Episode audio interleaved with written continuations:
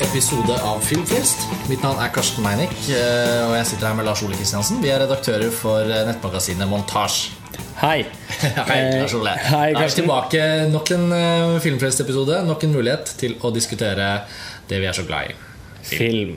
Det har vært veldig mange filmfrelste episoder den siste måneden. Ja, det har det. det er liksom, vi har hatt en slags sånn høytid. Cannes-festivalen preger jo liksom hyppigheten. Ja. Uh, og så har Martin hatt en fortjent pause. Det har gjort at vi har laget en del uh, podkaster av dette formatet. Hvor det er deg og meg. Men eh, det glir nok sakte, men sikkert også over i en kombinasjon av disse litt nye settingene og den gode gamle Skype-podkasten. Vi vet jo at det er en ny episode som faktisk lages uten oss, parallelt med denne. Så det jo, blir jo gøy for oss. Da har vi noe å høre på også. Ja, det ser jeg frem til. Eh, Men eh, vi skal snakke om eh, to veldig kinoaktuelle filmer. Ja, Det er jo sommersesong, som de fleste av lytterne våre vet. Og det er Godzilla har jo akkurat gått over en måned på kino. Den har vi hatt en episode om. Men sommerkinosesongen har jo ofte alltid på en måte en kombinasjon av to ting å by på. Det velkjente og det opplagte, men også noen sånne uforutsette overraskelser. Og det var jo litt det vi begynte å snakke om. om disse to filmene hadde mer til felles enn vi hadde forutsett. Og derfor var det ekstra gøy å snakke om de to sammen. Ja, fordi vi hadde vel egentlig tenkt å snakke om blockbuster-sesongen. Eh, Det var første del av den. Ja, ja, fordi den er jo nødvendigvis da ikke ferdig. Men så tror jeg vi fant ut av at det var to filmer som hadde såpass mange overlappende eh, elementer at det ble naturlig å bare snakke om de. Og de filmene er jo da eh, Edge of Tomorrow med Tom Cruise og X-Men Days of the Future Past. Eh, og disse to filmene eh, er jo på en måte eh, ganske radikalt forskjellige, men de har også likhetstrekk. Og det er jo det som man måtte, veldig fort kommer inn på når man begynner å tulle litt med dette. For det var vel du som hadde en overskrift i hodet etter at vi så X-Men-filmen. Sånn 'Fremtiden i våre hender'. Ja, Eller 'Tilbake til fremtiden', som selvfølgelig det er en film som heter allerede. Days of the Future Past, Edge of Tomorrow. Det er noe eh, det er, det er Denne leken med tid og rom. Ja, Det har disse filmene til felles, men også på vidt forskjellige måter. Ja, det skal sies. Eh, altså Dog Lymans 'Edge of Tomorrow' med Tom Cruise i hovedrollen, bare for kort for å si dette, handler da altså om en mann som skal i en futuristisk krig mot aliens, som opplever at han eh, dør og våkner igjen samme dag og må leve den samme dagen om og om igjen. Og stadig da finner ut av at det fins noen komplekse greier i dette plottet som han er en brikke i, og han må løse noe uten å si noe mer. Det er Groundhog Day i en uh, futuristisk I filmer setting. om å lage film så tuller man med at noen ville laget en futuristisk action-blockbuster basert på Groundhog Day. Og nå i virkeligheten så er den her. Det er på en måte, jeg føler jo også litt det gjelder for X-Men at vi har kommet til et punkt hvor alle de tulleblockbusterne i sånn litt satiriske filmer fra 90-tallet sånn sånn filmen- Ja, og den filmen til Julia Roberts i Notting Hill. Ja! Eh, liksom sånn, de filmene nå, de tullefilmene, Ja. de, det er de vi har nå på kino. Og X-Men Days of Future Past er da altså Bryan Singer, regissøren av X-Men og X-Men 2, de absolutt overlegent beste filmene i hele X-Men-universet, eh, er tilbake som regissør. Og han tar da en plot device av dimensjoner, en, en tidsreise, et tidsreisegrep, som binder sammen hans originaltrilogi med reboot-universet som Matthew Wan introduserte med X-Men First Class. Og sammen så møljer dette eh, det en slags historie, men mest av alt så er det da, som vi snakket om, en slags sånn perfekt sånn eh, Hollywood-studio har et eh, styremøte hvordan kan vi nå både lage en sequel Og en prequel. og en prequel og en reboot og sette opp for sånne såkalte eh, Spin-offs. spin-offs. Kan, kan vi gjøre alt dette i en film? Så det er en Ja. prequel, sequel, reboot med stort Spin-off-potensial. Eh, altså, dette det- er en møteromsfilm. Ja. Og Du det- kan høre at de har sittet og snakket rundt bordet i liksom dag etter dag etter dag. etter dag Hvordan skal vi få til dette? Hvilke koblinger kan vi gjøre? Hvilke skuespillere har vi mest til at skal ta mye plass? Hun Jennifer Lawrence Hun er top of the pops. Ja. Hva med mye av henne? Hun spiller Mystique, og hun synes mange er litt sexy. mystikk? Kan vi gjøre mer ut av Et cetera, et cetera. Um, og det ligger jo så veldig i tittelen nå. Jeg tenker sånn Days of the future uh, Our future past så Kan vi få med future Kan vi få med past og days og X-Men? Altså, det, er, et eller annet med at det er noe forferdelig rotete men også litt sånn fascinerende komplekst. Over dette konseptet om liksom Ja. klinke til. Og det koster jo selvfølgelig 1,2 milliarder kroner da, eller noe sånt å lage den filmen. Den har jo fint tjent inn pengene sine. da. Ja, ja, og den eh, Ettersom vi nevnte Groundhog Day i stad, så er det også bemerkelsesverdig og veldig morsomt å kunne konstatere at eh, Days of the Past of the X-Men eh, den, er, eh, den er liksom modellert rundt konseptet til Back to the Future. Ja, nesten Altså det, identisk. ja, altså det er identisk. Å dra tilbake i tid for å endre kursen på noen ting, sånn at framtiden blir annerledes. Og da bedre enn det som egentlig på en måte er tilfellet. Så det er tidsreiser, eh, og det er det jo Edge of Tomorrow òg. Han forsøker jo å perfeksjonere, akkurat som eh, Bill Murray i Groundhog Day, så forsøker han å perfeksjonere den dagen. Hvordan kan han få mest mulig ut av den dagen, som da innebærer å redde verden? Og i Edge of Tomorrow så er det jo så påfallende hvordan øh, Hvis man tar Groundhog Day og, og Herregud, jeg må, det er mange kanskje som kjenner den filmen som 'En ny dag truer'. Det er mulig. Ja. Den norske tittelen ble veldig men, ja, for de som- Jordsvindagen Ja, ja, eh, ble ikke den norske tittelen. For de som ikke kjenner den engelske tittelen, så er det i hvert fall 'En ny dag truer' med Bill Murray vi, vi snakker om. Fra 93, er det vel. Um, og så bare når Bill Murray da har innsett at han skal leve den dagen så mange dager at han kan likevel liksom fucke opp litt og begå selvmord. Liksom, han gjør så jævlig mange liksom, idiotiske ting. Ja. Dette er liksom også speilet uh, i Doug Limans film. Bare i sånn I action-blockbuster Tom Cruise-varianten. da uh, Hvor han uh, kaster seg inn i forskjellige situasjoner og begynner å gå lei, og så skjønner han Og tester ut Ja, ting. ja. Og som til slutt så finner han ut at de merkeligste ting kan få han videre i den dagen. Sånn at han må Nei, Jeg synes det er viktig her å si at Jeg synes Edge of Tomorrow var en helt fantastisk bra film. Ja, for det for Ja. Jeg hadde akkurat tenkt å si det samme.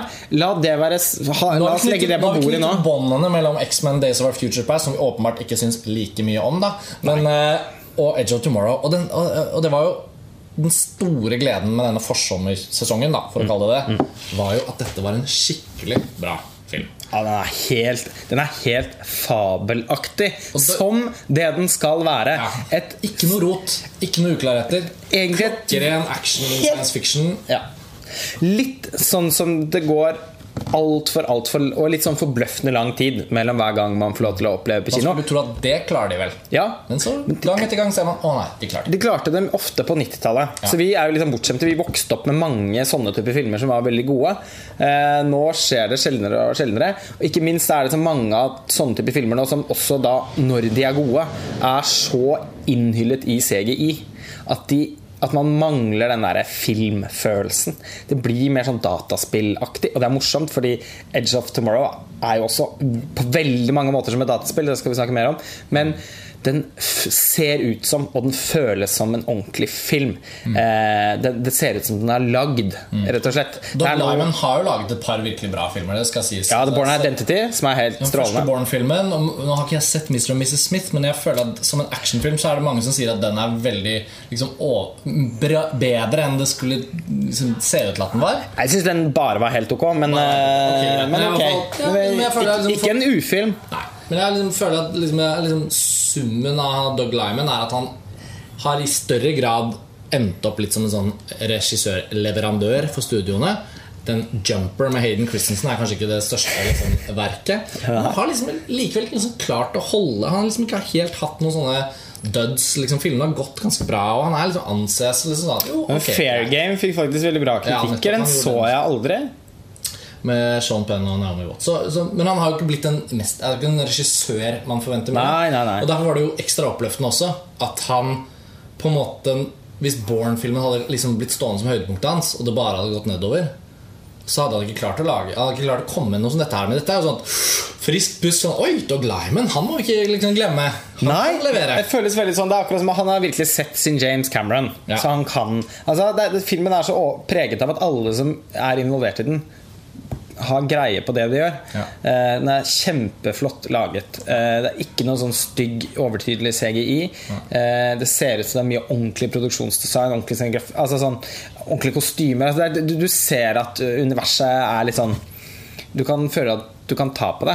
Og det er jo så veldig CGI-ens tidsalder. Nå har vi jo snakket om Ja, det i flere det føles jo egentlig helt unødvendig å sitte og være så overlykkelig over noe så enkelt, men sånn har det blitt. Ja, det har det. Og Jeg så Maleficent eh, tidligere samme kveld, Ja, som altså Jolie, s- var så grusom, og som så ut som en sånn godtekiosk av, av CGI. Eh, altså, den var jo liksom eh, dagens Hollywood-film på sitt verste. Ja.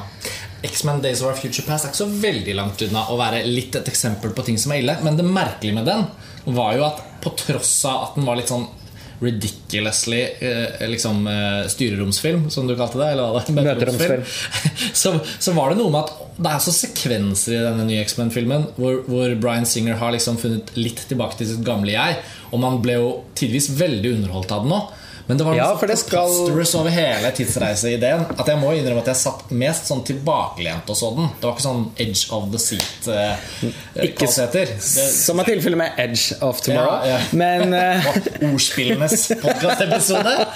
men, men altså eh, Jeg jo eh, opplevde det veldig på samme måte da med, med X-Men, men den har Den er så fascinerende vulgær, er ordet jeg vil bruke, tror jeg. Jeg skjønner hva du mener med det. Altså det, det, det er så Hele opplegget er så vulgært. Det å liksom Det å tenke at publikum skal kjøpe dette eh, Altså, og hvis du ikke har sett noen filmer fra X-Men-filmuniverset, og setter deg ned og ser hva slags opplevelse er det? Det kunne vært spennende. Ta liksom absolutt alt for gitt i forhold til hva, hvem rollefigurene er, hvem som spiller hvem som gammel. Vi skulle hatt med oss en på denne podkasten som ikke hadde sett noen av X-Men-filmer Sikkert litt vanskelig å finne den personen, Ja. Eh, men eh, Og jeg hadde et gjensyn med disse tre originalfilmene i vinter. Så Ja. det er faktisk bare noen få måneder siden Og X-Men 1 og 2 Altså X-Men og X2, da, eller disse to første filmene, Bryan Singer-filmene, er jo så utrolig bra. Ja, de er bra. Og apropos lite CGI altså Det er noe sånn håndfast, noe grovt, noe deilig. Sånn, og den har tematikken, de utenforstående, samfunnet. Den har skikkelige roller altså sånn, Roller som er sånn du bryr deg ordentlig. Til og med små biroller som er såpass godt tegnet at du, du får en sånn sterk følelse for dem. Og så kom jo den Brett Ratner-filmen nummer tre. Og da den kom, så var Jeg syntes den var helt jævlig. Kvaliteten var såpass mye lavere enn Bryan Singers to første filmer at det ble litt sånn åh, nei. Men da jeg satt og så de tre filmene etter hverandre og ikke tenkte så mye over det, og det var en liten, altså det var liksom en TV, det var ikke noe sånn Så syns jeg plutselig at den X-Men Last Stand har, er bedre enn sitt rykte. Ikke like god som Bryan Singer-filmene. Men en ting som, øh, og her er en spoiler-advarsler til alle som ikke har sett X-Men 3 The Last Stand til Brett Ratner. Men det er egentlig ikke heller en spoiler lenger, viser det seg, etter at man har sett Days of Our Future Past. Men uansett, i den treeren så ofrer han jo en del rollefigurer. Det er vel tre stykker som dør. Og det er superhelter, liksom. Og til og med superheltfilmer er jo nå blitt så Altså sånn, En ting er at superhelter er liksom uovervinnelige, i hermetegn men i superheltfilmer så er de jo så uovervinnelige at det er ikke engang spennende å se hvordan det går med dem. Det er jo egentlig bare en eneste lang eh, rollercoaster for å finne ut hvordan bad guyen dør. For å være litt sånn streng. Eh, Ja. I X-Men eh, The Last Stand så er det jo faktisk Der er det jo litt sånn ting står på spill. Da. Og han ofrer jo flere sentrale rollefigurer i den filmen.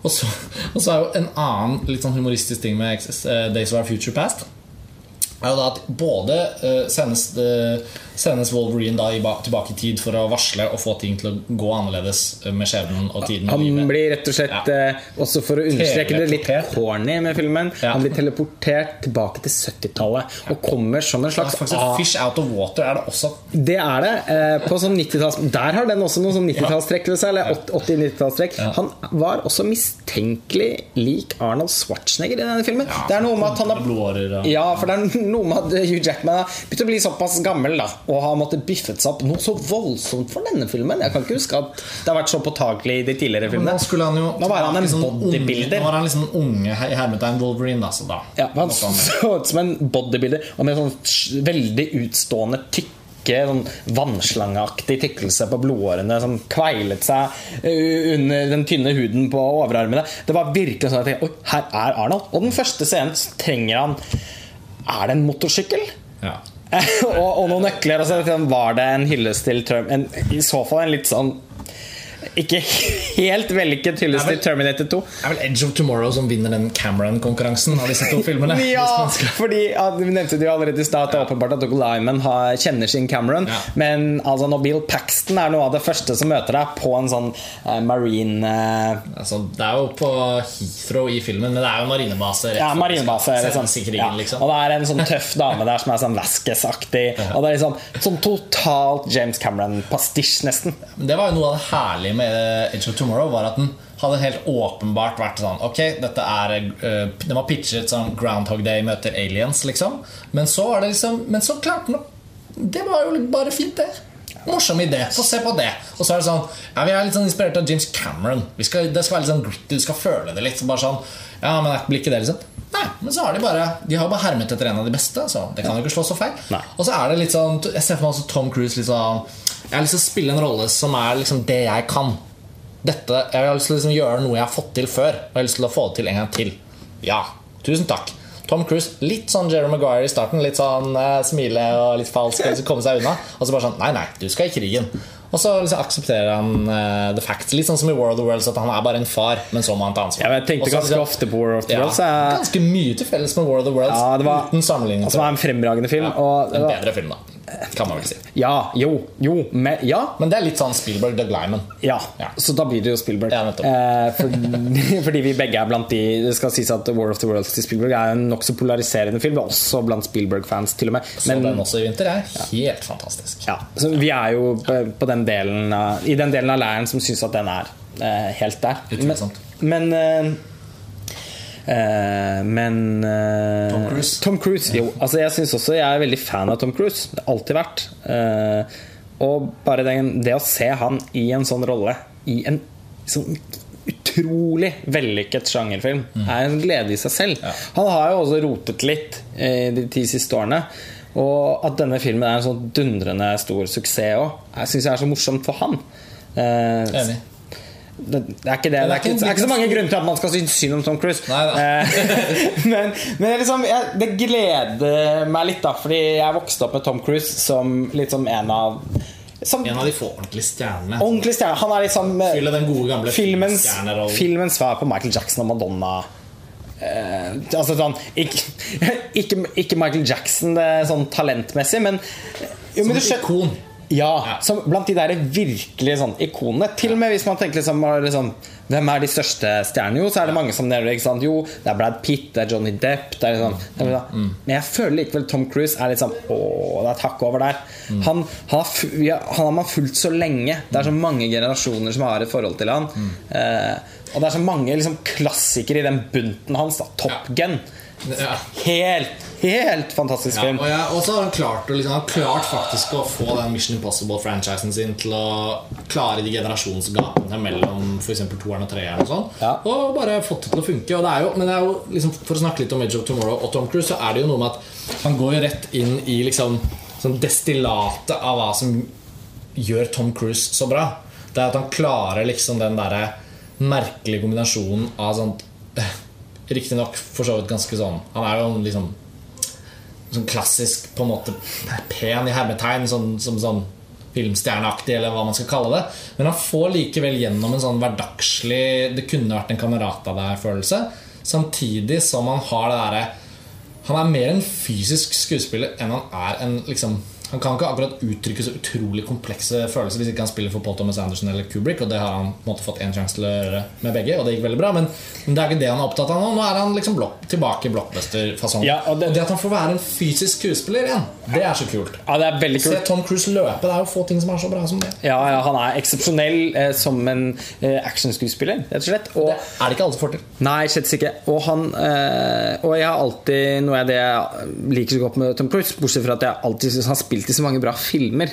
Ja, veldig få dårlige filmer Ja, han har spilt mye bra. Til og med Tropic Thunder er jo et lite mester. Ja, er kjempebra. Ja, men, og det at han er produsent selv, har jo alltid liksom Han har en, ja, han har en berømt nese. Ja. Men han, den nesen hans er altså Han har virkelig nese for prosjekter. Ja, han har en annen type nese enn Gerard Depardieu. på en måte du Skulle sammenligne neser så Nei, men definitivt men- men- Det er så viktig å ikke tulle bort Tom Cruise også. Han er jo på en måte Ja, jeg føler Det er virkelig ikke det vi, som er meningen å gjøre nå. Tvert Jeg føler at vi jeg vil gjøre det motsatte.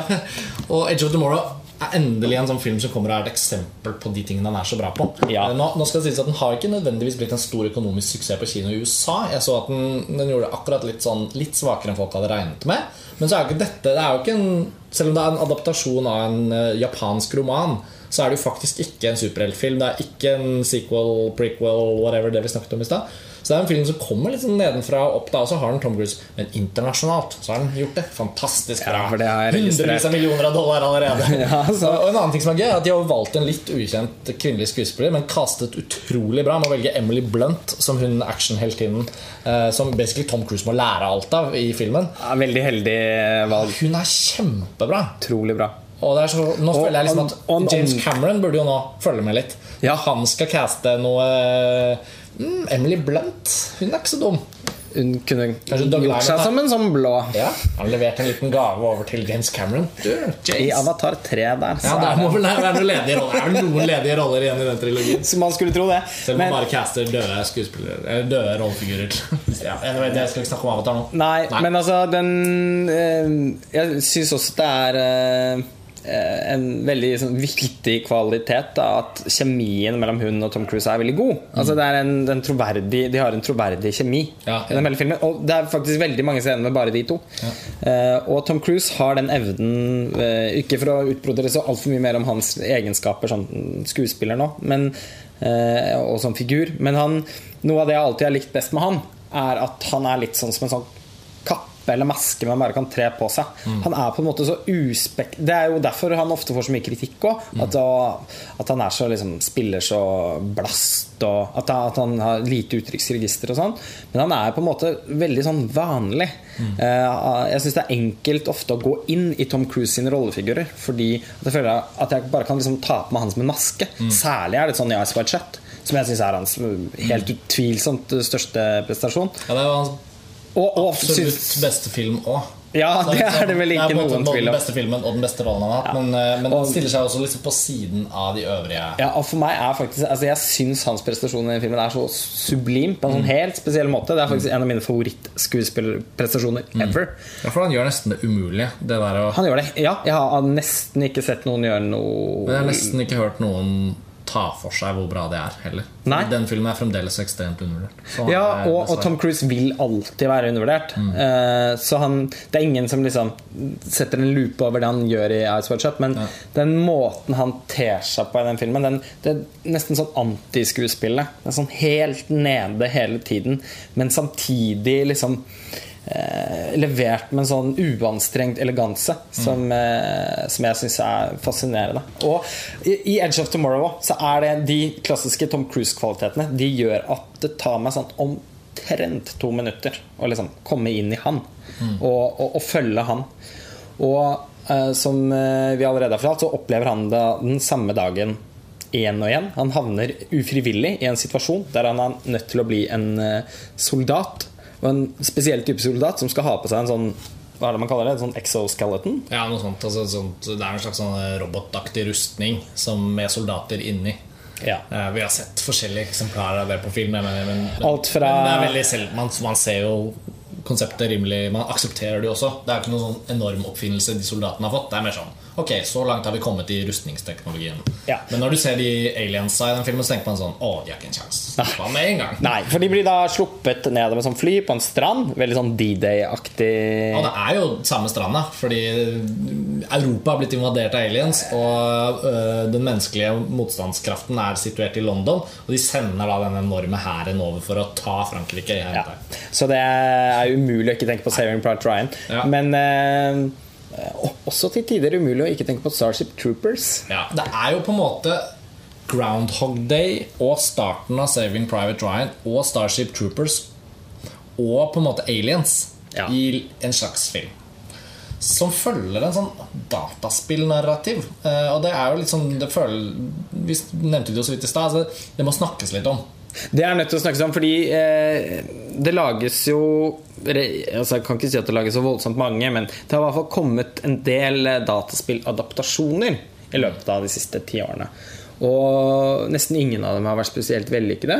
Fordi de prøver å lage en klassisk sånn narrativ historie inni det dataspilluniverset. Ja. De påtvinger universet noe som ikke universet er skapt for. For universet er skapt for å prøve å spille seg, og så prøve igjen.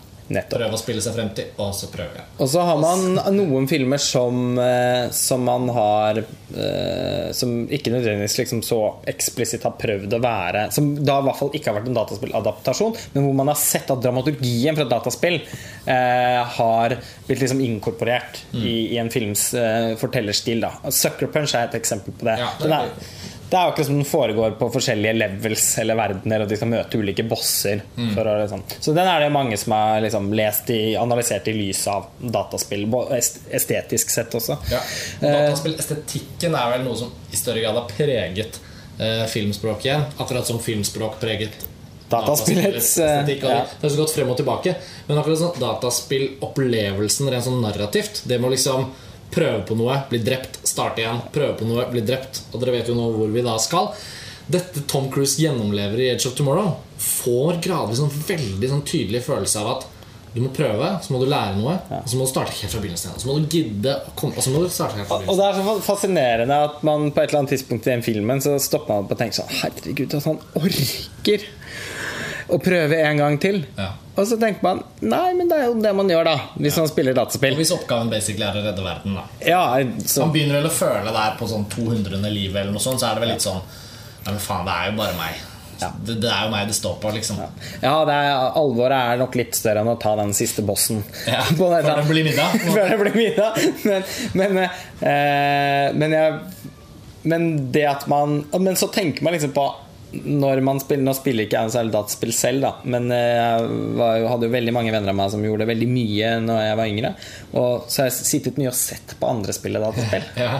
Og dette er jo enda mer relevant erfaring, egentlig. Ja, Det er jo litt som å se denne filmen, Ja. men eh, på en veldig bra måte. Ja. Eh, fordi, men så sitter man men, men, men man prøver jo igjen og igjen og igjen og igjen, og igjen, og igjen til man lykkes. Og eh, selv om man kommer veldig langt, og da feiler, ja, så må man helt tilbake til start igjen. Det er litt sånn det funker. Og, eh, og så går jo de første delene av den eh, dagen, eller det tidsrommet, da det går jo av seg selv. Ikke sant? De som har spilt spillet mange nok ganger, og vil jo ha det jo bare inn i fingrene. Liksom. Og nå må jeg bare liksom, komme meg gjennom det og kan snakke om andre ting. Og sånn. ja. Men nå når jeg skal komme til fjerde nivå, da, vi, da, vi- da kan jeg ikke snakke. Ja. For da, Ja. da, da.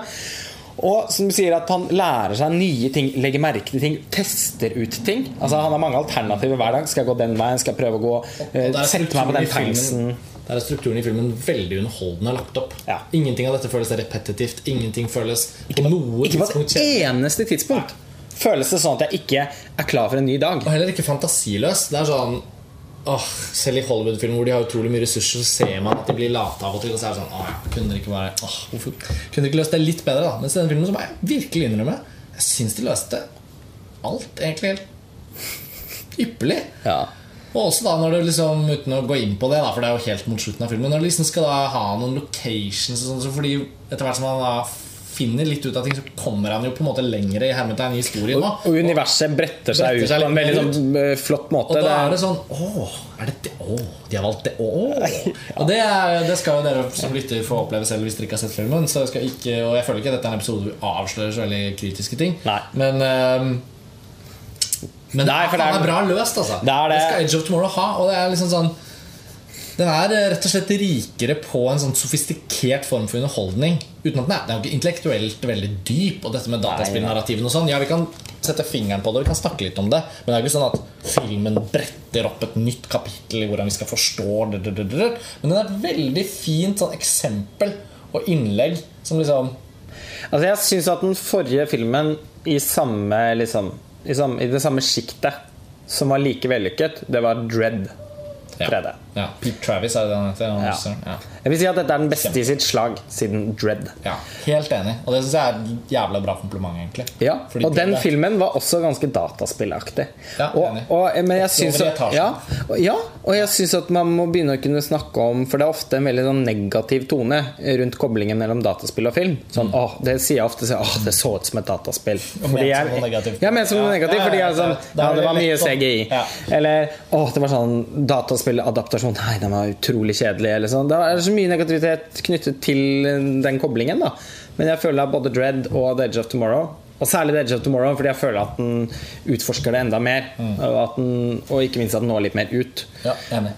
At man virkelig kan begynne å snakke om en sånn eh, en, en veldig positiv inspirasjon fra, fra dataspill. Da. Ja, jeg er helt enig. Er helt enig. Og de har liksom De har egentlig klart å Merkelig nok liksom erstatte på en måte den mer sånn konseptuelle eh, popkulturrefererende actionfilmen, som jeg elsket for så vidt på 90-tallet og litt sånn inn på begynnelsen av 00-tallet. Og også gått litt og morsomt med Doug Lyman gått litt bort fra den der Born over eh, realistiske, håndholdte greia. Altså Dion Beebe, Michael Mann-fotografen, har jo skutt Edge of Tomorrow. Han er ikke så veldig opptatt av sånn Jo, det, det rister litt i kameraet på stranda der, og sånn men det gjorde de i Private Jeg tror han fikk ristet fra seg med Michael Mann. Ja, litt, ja, nettopp. Så liksom, det er noe sånn at det er litt tilbake til mer sånn klassisk gjennomført Se, dette ser fett ut ser jo eh, så bra ut, den filmen. Så jeg syns den er med på å åpne litt på gløtt kanskje neste kapittel av hvor vi skal med liksom actionfilmer som ikke er superheltfilmer. Ja. Ikke sant? Vi må, da må vi stryke alt som er Marvel,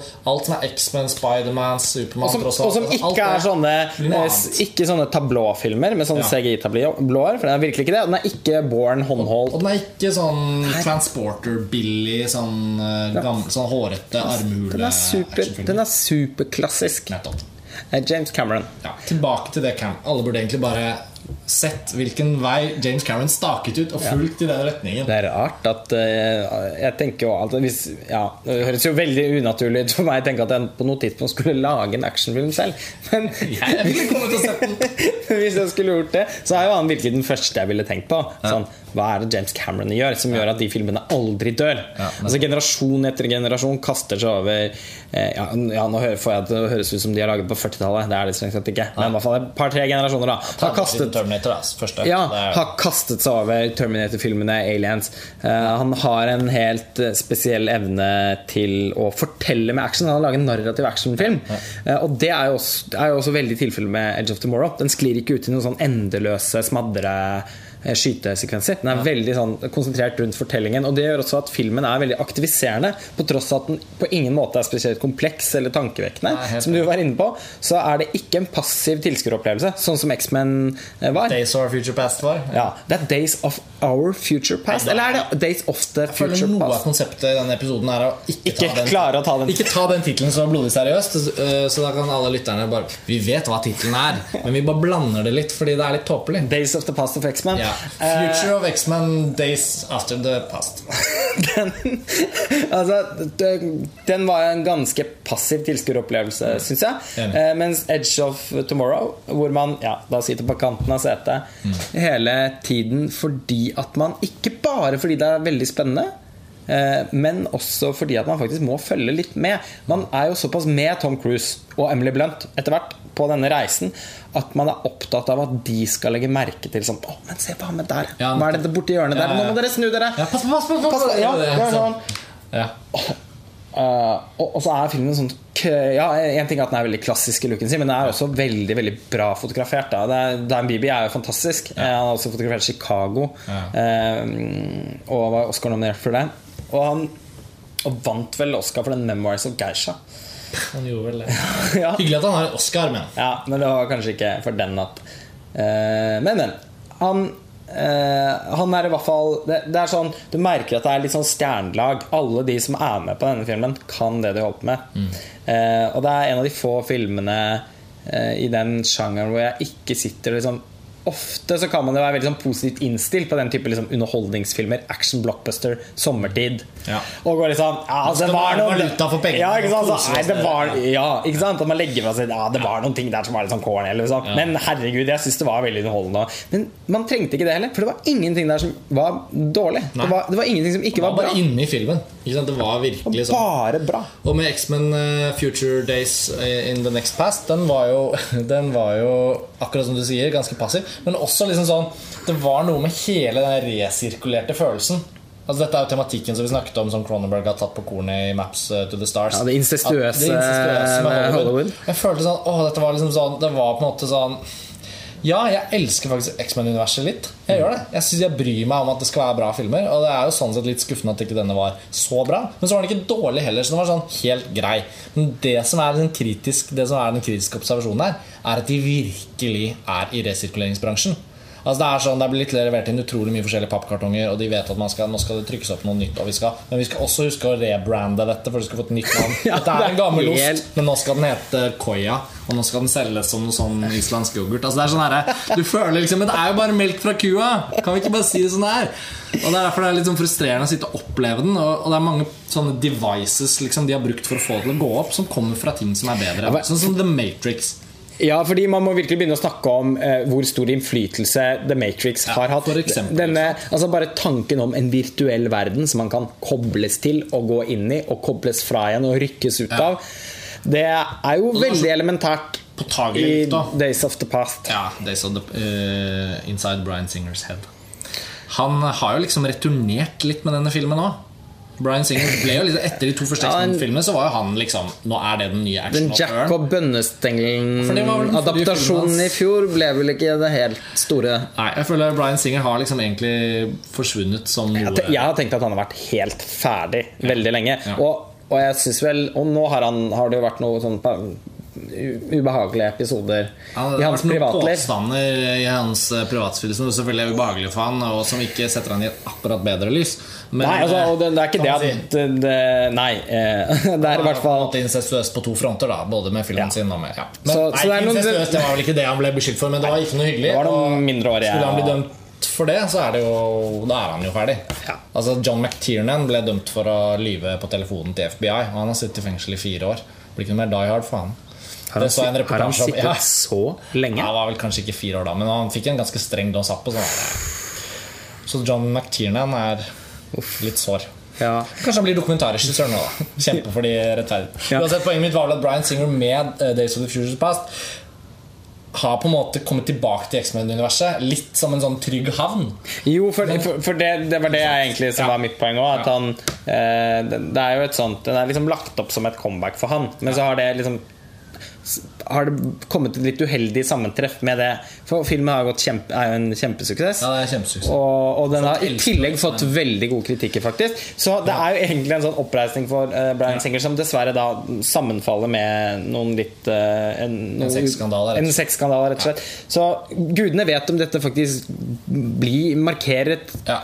Comeback for han. Men Hvis hvis ikke det hadde skjedd noe på privatfronten som ikke vi kan styre med, som ikke er vår ekspertise uansett, så ville jo faktisk dette bety sånn, et slags comeback. det hadde, det hadde vært en døråpner for Brian Singer til å kunne gjøre de prosjektene han vil noen år fremover. Og For det tror jeg ikke han helt har kunnet. Og det står skrevet i disse Hollywood-tarot-kortene at, at han skal lage den neste også. For det er jo, ja, som, som det var vel kanskje åpenbart fremkom av innledningen, så skjønner man jo etter denne X-Men Days of the Future Past at det skal komme mer. X-Men-universet er på en måte både blitt ferdigstilt først som en trilogi, så ble det spin-off, Wolverine-spin-off, og så ble det reboot. Og nå er det da merging av det første og det andre universet.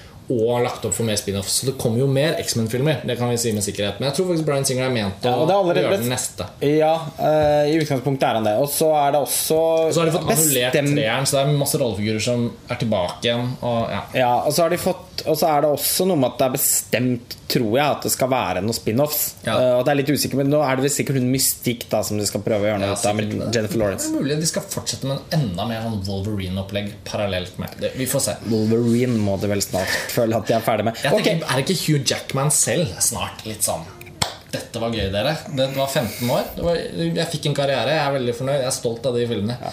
Nå øh, skal jeg gjøre noe annet. Ja. Er det noen som vil ta over? ja, ja, jeg merker vel kanskje også Jeg er litt mett på Hugh Jackman. Det var vel en Le Miserable som fikk det til å renne over for meg. Ja, den Men- slapp jeg unna, da, men Ja.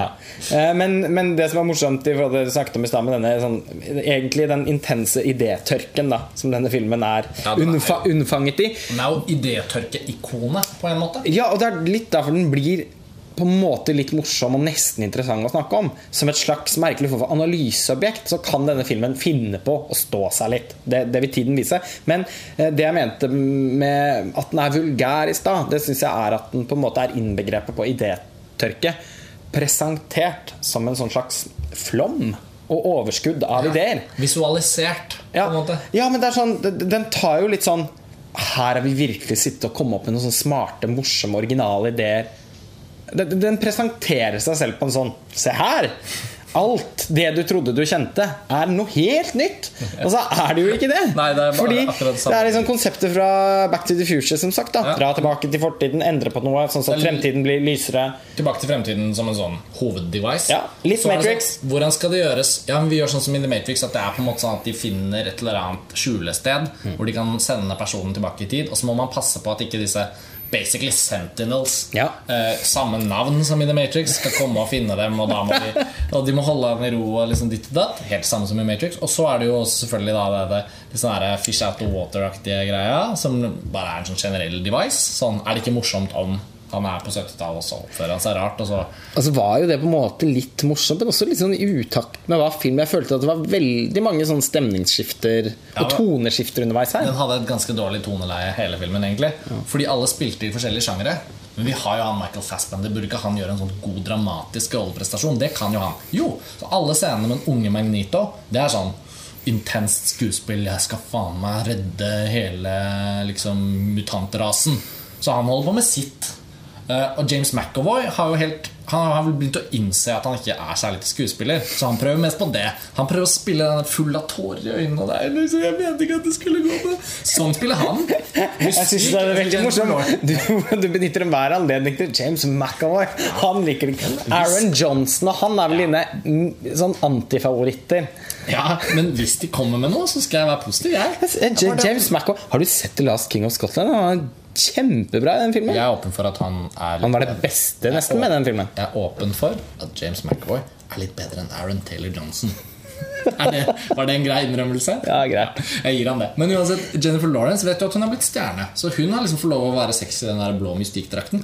Men det er også synlig at ja, hun har på seg noe stoff under den blå malingen. Hun Rebecca Romin Stamos, som virkelig forsto hva den rollen handlet om. Ja. Hun ga alt Ja. i de to første filmene. Eller tre første filmene. Så, så det er liksom sånn, det er så mange sånne ledd. da ja. Og så er det også det med at Bryan Singer Folk bare sånn "Men- But Brian, the opening of X-Men 2 That was great, that's a fantastic sequence Ja, hvordan kan vi få gjort den om igjen? Jo, har en, en rollefigur som kommer inn Er dritbra, han kjappe Jeg husker ikke hva navnet på han er som Nei, jeg husker ikke heller. hvor, sånn, hvor Magneto, den unge Magneto i Michael Fassbenders skikkelse skal brytes ut av et fengsel under Pentagon. Jo, Det kommer en sånn fantastisk kul sekvens. Ja, Midt inni så er sånn, Oi, nå, nå er filmen på vei til å Nei. Så når den sekvensen er ferdig, så er det uten han. Tilbake til Ja, og da bare forlater vi den det er vel karakteren. 20 hovedpersoner eller noe sånt i denne filmen. Også. Det, er- Ja, det synes jeg- minst. Ikke hovedpersoner, men det er ingen spesiell hovedperson. Nei, men Han her introduseres som en viktig, som en viktig Bruker person. ganske mye tid på han også. Og så Ja. ikke noe mer med det. Og, og han hadde jeg så sans for. Jeg tenkte, Oi, han er liksom endelig et friskt innslag i denne liksom, Skal vel være en spin-off. buketten. Nei, ikke bruk opp han, for han skal vi jo lage en egen film om i 2019. Følge budsjettene våre, bla, bla, bla. Så det er liksom så mye som er tåpelig. Liksom Dette er egentlig en film de burde laget en parodi på. Altså, nå, de, dessverre er de så grusomme, alle disse Meet the Spartans Ja, og Scary Movie 7 og jeg vet ikke hva. trenger- noen skulle laget en ordentlig god Ben Stiller. ja, vi, Skulle Jeg laget noe på savner jo at parodifilmsjangeren har noen sånne ordentlige autører. Som kan, fra, fra hotshots-dagene. Mm. Da var det jo virkelig bra. 'Mann med nakne pistol 33 og en tredjedel'. Ja. Hotshots, Alle de på VHS som i hvert fall jeg og vennene mine var Det var de eneste filmene vi fikk lov til å leie. De var alene hjemme, så vi så jo bare alle de om og om igjen. Skal vi leie film? Ja. Skal vi leie Hotshots 2? Ja. Så så hun. Og så et par år etterpå så så jeg Top Gun. Å, det var den! Parodierte. sånn var det. Ja. Men liksom, så kom Scary Movie-filmene. De var liksom Ja, i hvert fall den første var jo liksom tidvis ganske treffende. Men det har liksom, den har tørket ut, den sjangeren der. Ja, når hun Anna Faris får den der silikoninnlegget røsket ut med den kniven, det husker jeg var ganske morsomt. Men syns- alle etterpå har vel vært Og det, kommer jo en flom av sånne filmer. Ja, ja. De lages fortsatt. Movie Ja, de lages fortsatt. Jeg lurer på hvem som faktisk går og ser dem. Det er vel, det er vel de som ikke, kan, som ikke kommer inn på noe annet. Ja, men, ja, men, jeg- men de ser ofte ganske sånn vulgære ut i for, ja, Vulgær, det er tydeligvis dagens ord. Det er dagens ord. Men det er i hvert fall ingen tvil om, som du sa nå, at det er noe parodisk og latterlig over denne Days of Future Past. Men, ja, men vi har vel også hva med, hva med, jeg synes kanskje det morsomste for meg Men da prøvde jeg å holde tilbake latteren for å liksom ikke la det prege opplevelsen. Men jeg synes vel oppsynet med Halle Berry var sånn ååå. Hvor mange scener hadde hun i filmen? Hun hadde i hvert fall ikke mer enn to replikker. Nei. Jeg synes det var litt sånn fikk, fikk vel en sjekk. Ja, men det var noe sånn Halle Berry er tilbake. For meg var det sånn et gufs fra fortiden. Ja, det var, det var veldig sånn Hun så eldre ut siden sist og hadde ikke helt liksom Actionscenene gikk ikke helt som det skulle. Var det sånn Fikk til den der hvor hun skyter lyn ut av fingrene. Den derre ja, hun Saruman-moven. ja, hun fikk det momentet. Ja. Og apropos Saruman eh, Holdt på å si X-Mens svar på Gandalf og Saruman. Eller eh, ja. Ja. De, han, han blir eldre nå. ja. Han og Patrick Stewart hadde jo også et slags veldig kort moment sammen, da. Ja. Patrick Stewart syns jeg fungerte veldig bra. Ja. Han ser jo aldri en dag eldre ut. Så han har sett lik ut helt siden Ja, for han har heller, Star al ja, han har heller aldri sett ung ut. Han er litt som Aud Schønemann, på en måte. Ja, At, ja, Eller Frode Alnes. ja. Frode Alnes See, that's with a stranger. Ja, Så han har jo ikke hår, han heller. Nei, Det er noe med at Hvis du mister alt håret, så får du en sånn evig look. Det, det er jo sant. Var ikke ment som en sånn Nei, jo, men, jo, men altså, Patrick Stewart har en, har en evig look. Ja. Uh, Ian McKellen er akkurat sånn som jeg tenkte at det var en grunn til at de ikke liksom ble actionhelter i denne. Ja, Det var litt, litt sånn som da ja nei, Men det stemmer jo, det. Christopher Lee kommer inn i den eh, I Hobbiten. Ja. Hvordan kan vi klippe oss rundt? Ja, for det, var det ikke veldig sånn i de scenene med Ian McKellen og Patrick Stewart? Fordi de er jo også ganske fantastiske skuespillere. Ja, det er jo det Man har jo enorm respekt for dem. Og Ja. at de i det hele tatt kan være der Og de er villige til å De gir jo filmen litt sånn ekstra gravitas på alle de mulige måtene. Ja, men jeg føler også det er en sånn lost opportunity, på en måte. ja, fordi, fordi filmen gidder jo ikke å bruke tid på det. Nei, er og sånn, det bruker den noen gang tid på noe som helst. Som vi snakket om på vei ut fra kinoen i stad. Vi så denne filmen i formiddag. Og eh, jeg er litt sånn Og jeg liker også de to første X-Men-filmene veldig veldig godt. Jeg, I ungdommen så, så jeg de mange ganger. Ja. Da var det også sånn Når man kjøpte DVD-er, da Så var det jo litt sånn at Ja, da kjøpte man det jo basically for å se filmene sånn fem-ti ganger. Ja, ja, ja. Og De to filmene har jeg sett mange ganger. ja, og det men, men det er liksom liksom og det er så utrolig merkelig å sitte og bli nostalgisk i forhold til noe så simpelt. Litt som jeg var inne på med The Age of Tomorrow i stad også. Men de er liksom De er filmer med scener og karakterer. Ja. Det, er, det, det er- er en historie som fortelles. Det er scener. Karakterene snakker sammen. Det øh, liksom Det spinner, spinnes en historie fram. Det er faktisk ikke tilfellet med denne filmen. Jeg føler ikke at den nesten ikke liksom har noen ordentlige scener. Det er bare transportetapper, forklaring, eksposisjon, eh, koblinger eh, Det er vel egentlig plottmekanisk i sin natur. Ja. Filmen eksisterer for å fikse opp sånn at franchisen kan leve videre. For at det skal produseres flere filmer og tjenes mer penger. Den har jo ingen egenverdi som noe som helst, egentlig. Nei. Eh, så det er jo Og, tenk at denne, og da syns jeg det er verdt å liksom eh, bite seg merke i at denne filmen har fått så bra kritikker. Ja, Både vel- her hjemme og internasjonalt. Summa summarum så har den vel fått litt bedre kritikker enn The Edge of Tomorrow. Eller Edge of Tomorrow, som jeg tror den egentlig heter. Bare Edge of Tomorrow. Nå er det, nå er vi, dette er den tittelforvirrede episoden. Ja. Så En tilgi oss, ja, tilgi oss alt. Men Edge of Tomorrow har fått veldig gode kritikker ennå. Men X-Men Days of Arctic Future Past har liksom fått veldig bra kritikk. Jeg følte litt at det var feinschmeckernes valg av de to, og det, Det er, er for meg hårreisende. ja, Det er hårreisende. uforklarlig. Blinde kritikere verden over som av en eller annen grunn har ventet på eller hatt glede av å få noe sånt i fanget. Jeg vet ikke hvorfor. Ja, det er helt ubegripelig. Og hvis man bare går ned på et rent håndverksmessig plan, da. eh, Det er ganske mye sånn stygg CGI i X-Men. Eh, Ikke fordi den er sånn dårlig laget, fordi filmen har høyt budsjett, men Mm. fordi valget av design, farger og sånn, ser glorete og jævlig ut. Sånn lilla laserstråler og sånn. Ja. Eh, litt sånn Joel Schumacher-aktige valg Ja, hvis der. skal komme et nåtidsplan, så er jo det det tidsplanet hvor de sender eh, Wolverine tilbake i tid. Ja. Eh, og der er jo det meste helt ute. De befinner seg også på et slags sånn Dalai Lama-aktig tempel oppe i Himalaya. Eller Ja, det, jeg synes ikke det, Eh, det ser ikke ut, rett og slett. Og filmen er også helt utrolig stygt fotografert. Veldig, veldig svakt fotografert. Eh, og Super, altså digitalt foto Ja, på sitt verste. Den ser billig ut, men du skjønner at den er dyr. Liksom. Ja. Det er en håpløse kombo. De har ikke jobbet noe med lyset. Det er hele filmen er sånn matt eh, preg. Eh, Som formørket da også selvfølgelig av den unødvendige 3D-effekten. Ja, det er sånn mange lag med eh, Mange sånne digitale lag som man liksom må se seg igjennom. Den, den, den ser ikke ut, rett og slett. Nei, den gjør ikke det. Jeg er helt enig. Det, det, det eneste de, liksom, jeg syns de lykkes med, er å bevare det som har vært bra hver gang. Når en Magnito gjør noe med å løfte på noen metallbiter og holde kontroll på kuler i luften og holde pistoler altså sånn, Det er tøft. Sånn her, ja, sånn her, liksom praktisk eh, Egentlig ikke storslåtte CGI-effekter, men bare sånne fete sånn universet tillater dette-effekter. Ja. Er det ikke kult at Magnito kontroll- kontrollerer metall? Det er bra. Det, er liksom, det har vært sånn omtrent like bra i alle filmene. Fordi det er litt sånn, det får de til. Det kan de, det der.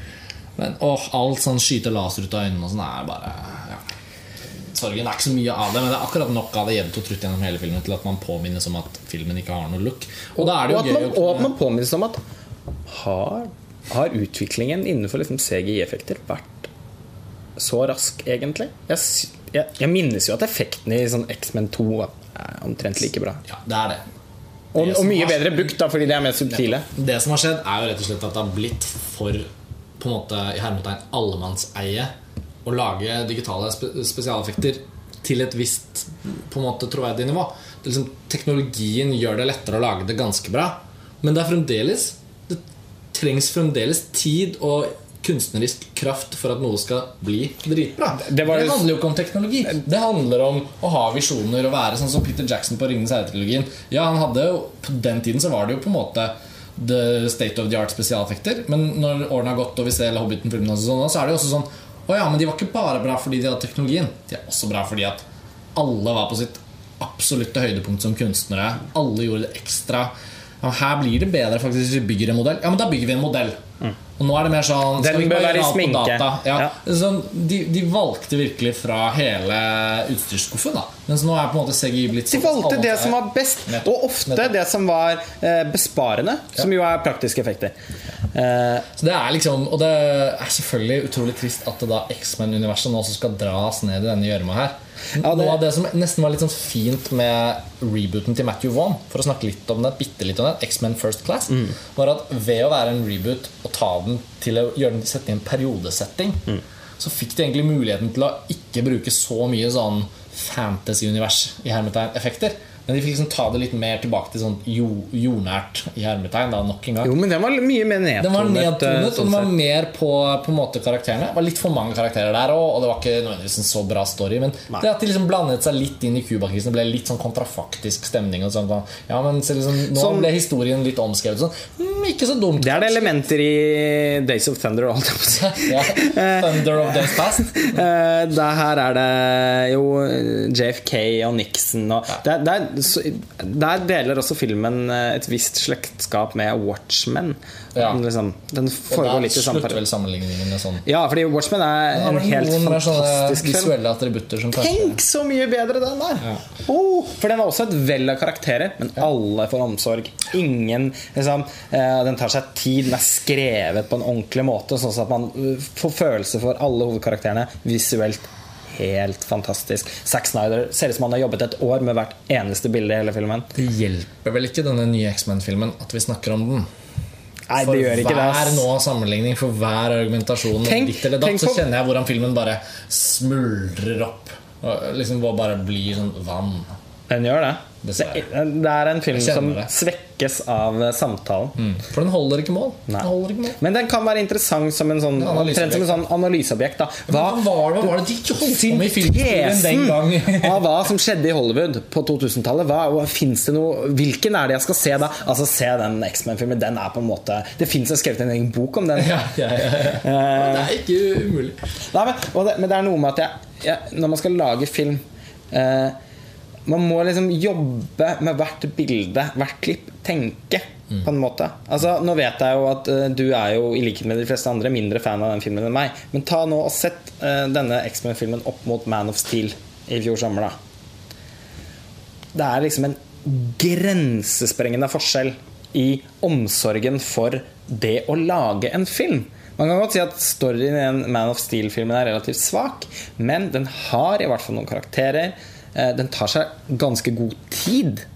Og den får lov til å puste, og den er omhyggelig iscenesatt. Den er vakkert fotografert. Han er, Hans Zimmer har laget musikk hva, hva faen skjer med den musikken? Han eh, Ottman som jo har laget musikken og klippet alle filmene til Brian Singer. Er ikke akkurat noe inspirert Ja, Skjønner du hva jeg vil? Jeg, jeg forstår absolutt at Man of Steel er en relevant samling fordi den tilhører den tiden vi er i. Altså, den er jo fra i fjor. Eller for, var i fjor?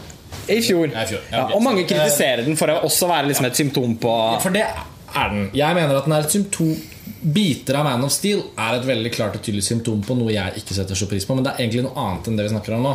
For, og Derfor tenker jeg at det er relevant for meg å bare ta tråden du slang over. Som en visuell liksom, presentasjon, altså etableringen av noen sånne Den følger på en måte en rød tråd innenfor hva den ønsker å uttrykke som film.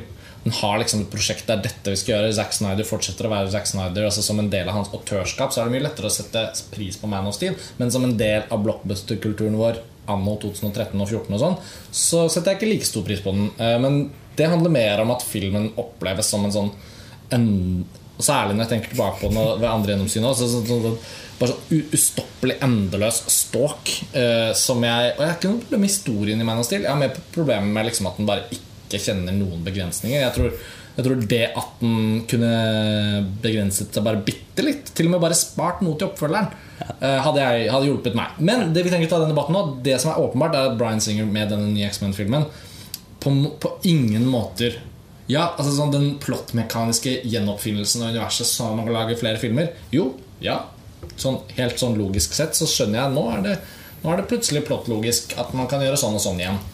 Men som en sånn filmunivers-nyvinning, som kanskje X-Men-universet kunne trengt, uansett hvor mye man setter pris på de tidligere bildene, så er den jo døden.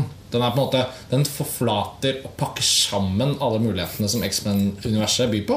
Den gjør jo egentlig det. Ja. Og så, så, hvis jeg liksom skal tenke på at det skal komme en ny X-Men-film, og det siste liksom, visuelle bildet jeg har fra X-Men-universet, er fra denne nye filmen, så blir jeg bare liksom, får jeg sånn sukk i brystet og tenker sånn Åh, nå er jeg liksom tilbake ned den ruta der enda en gang. Og så har ikke Bryan Singer noen signatur, og det er bemerkelsesverdig. Han har jobbet med den Det er ja, et veldig godt eksempel på.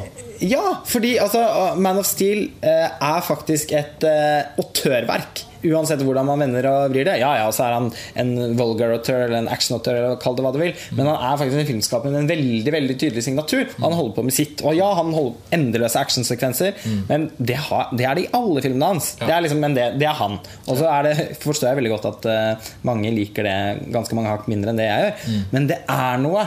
Uh, Bryan Singer har, Det er så forsvinnende lite han har å komme med på noe som helst plan. Ja. Ikke er det en fortelling, ikke er det en uh, videreføring egentlig av noe som vi den- var interessert i fra før av. Den Ikke er den en film ingen av rollefigurene. Nei, Det er jo en av de ingen. sørligste tingene. Ikke noe Nei, og, ikke, og så tenker man er det, ja, men er det litt sånn originalt og smart? Tenk, nei, det er egentlig ikke det. For det er bare et oppkok av andre gamle ideer. Eh, er det noe spennende filmatisk uttrykk? Nei, den ser faktisk ganske dårlig ut. Eh, det, er, det er ingen signatur. Han har jobbet med den samme klipperen og komponisten, som jo alltid har Det det er samme person. Og den samme fotografen, Newton Thomas Siegel, som er helt sånn forsvinnende anonym han nå, bortsett fra i Drive, mm. hvor han liksom fikk flekset litt Nicolas Winning Reffen fikk noe ut av. Ja. Men altså, alle er liksom sånn De anonymes klubb. Ja. Og det er rart at de ikke sammen har hatt en sånn nerdende send rundt. Dere, nå har vi holdt på i så mange år. Nå liksom, nå har vi funnet Nei. Eller til og med sånn Vi har bevist så mye, skal vi ikke bare prøve å ta noen sjanser på å gjøre noe helt nytt? Og det er liksom jeg- Hvis vi skulle For vi må jo snart oppsummere nå. øh, nå har vi både snakket om Age of Tomorrow og denne X-Men-filmen. Og litt sånn kryss på tvers. Det føles litt sånn deilig å liksom, ta den ene først og ta den andre etterpå. Ja, for det er jo noen, også noen sammenkoblinger her, da. Men den paradoksale oppsummeringen er jo liksom at man sitter med en ny Dog Lyman-film. Med et langt tydeligere visuelt uttrykk, signatur, da. Fra en regissør som har bevist mindre på en måte enn Bryan Singer. Så det er sånn om liksom, De har byttet litt sånn plass i hierarkiet, hvis man kan si det sånn. For Doug Doug Lyman var ikke akkurat der oppe. Men, men Edge of Tomorrow er en film som liksom er på vei opp. Det er en film som blir bedre av å snakke om den. Mens uh, den nye X-Men-filmen er da på vei ned. Kommer bare til å forsvinne mer og mer. Og Det er liksom sånn paradokset når man setter de sammen. Og gøy å ha satt dem sammen fordi de innholdsmessig liksom, Og med alle disse Leken med tid og rom så, og er- så er det paralleller. Men uh, min anbefaling uansett til alle dere som har hørt på, er jo å gå og se Edge of Tomorrow og ta en skikkelig liksom, sommerkino-gledestur på den. Det er liksom litt berg-og-dal-bane, litt for hjerne, litt for hjerte, og ikke kjedelig et sekund. jeg tror det er veldig Det stor var God morgen Norge-anmeldelse. Ja, det var veldig flott levert. Jeg, jeg syns nok eh, eh, Ja, nei, jeg er jo bare veldig enig. Jeg tror nok det er ganske stor sjanse for at Edge of Tomorrow faktisk vil stå igjen som ja, kanskje sommerens beste film. Er Så hvis, det vil vi finne ut av på slutten. hvis, hvis ikke, så har det Hvis den ikke står igjen som sommerens beste film, Ja. så har det i hvert fall vært en veldig god ja, Hvis sommerblockbuster-sesong. man har to så bra, da er jo faktisk Ja. sommeren Og bra. hvis Dawn of the Planet of the Apes skulle bare være en knockout nå, så er det jo ingenting som vil glede meg mer enn eh, det. Veldig enig. Jeg fortsetter å glede meg til den kinosommeren. Vi er så vidt i gang. Transformers Ja, 4 kommer òg. Det, det blir, jeg tenker at det blir kjempebra. Ingen er vel sjokkert over å høre at vi Michael Bay og. Mer om dette i en fremtidig Filmfrelst-episode senere i sommer. Takk igjen for at dere hører på. Yes, takk for i dag. Vi snakkes. Ha det! Ha det.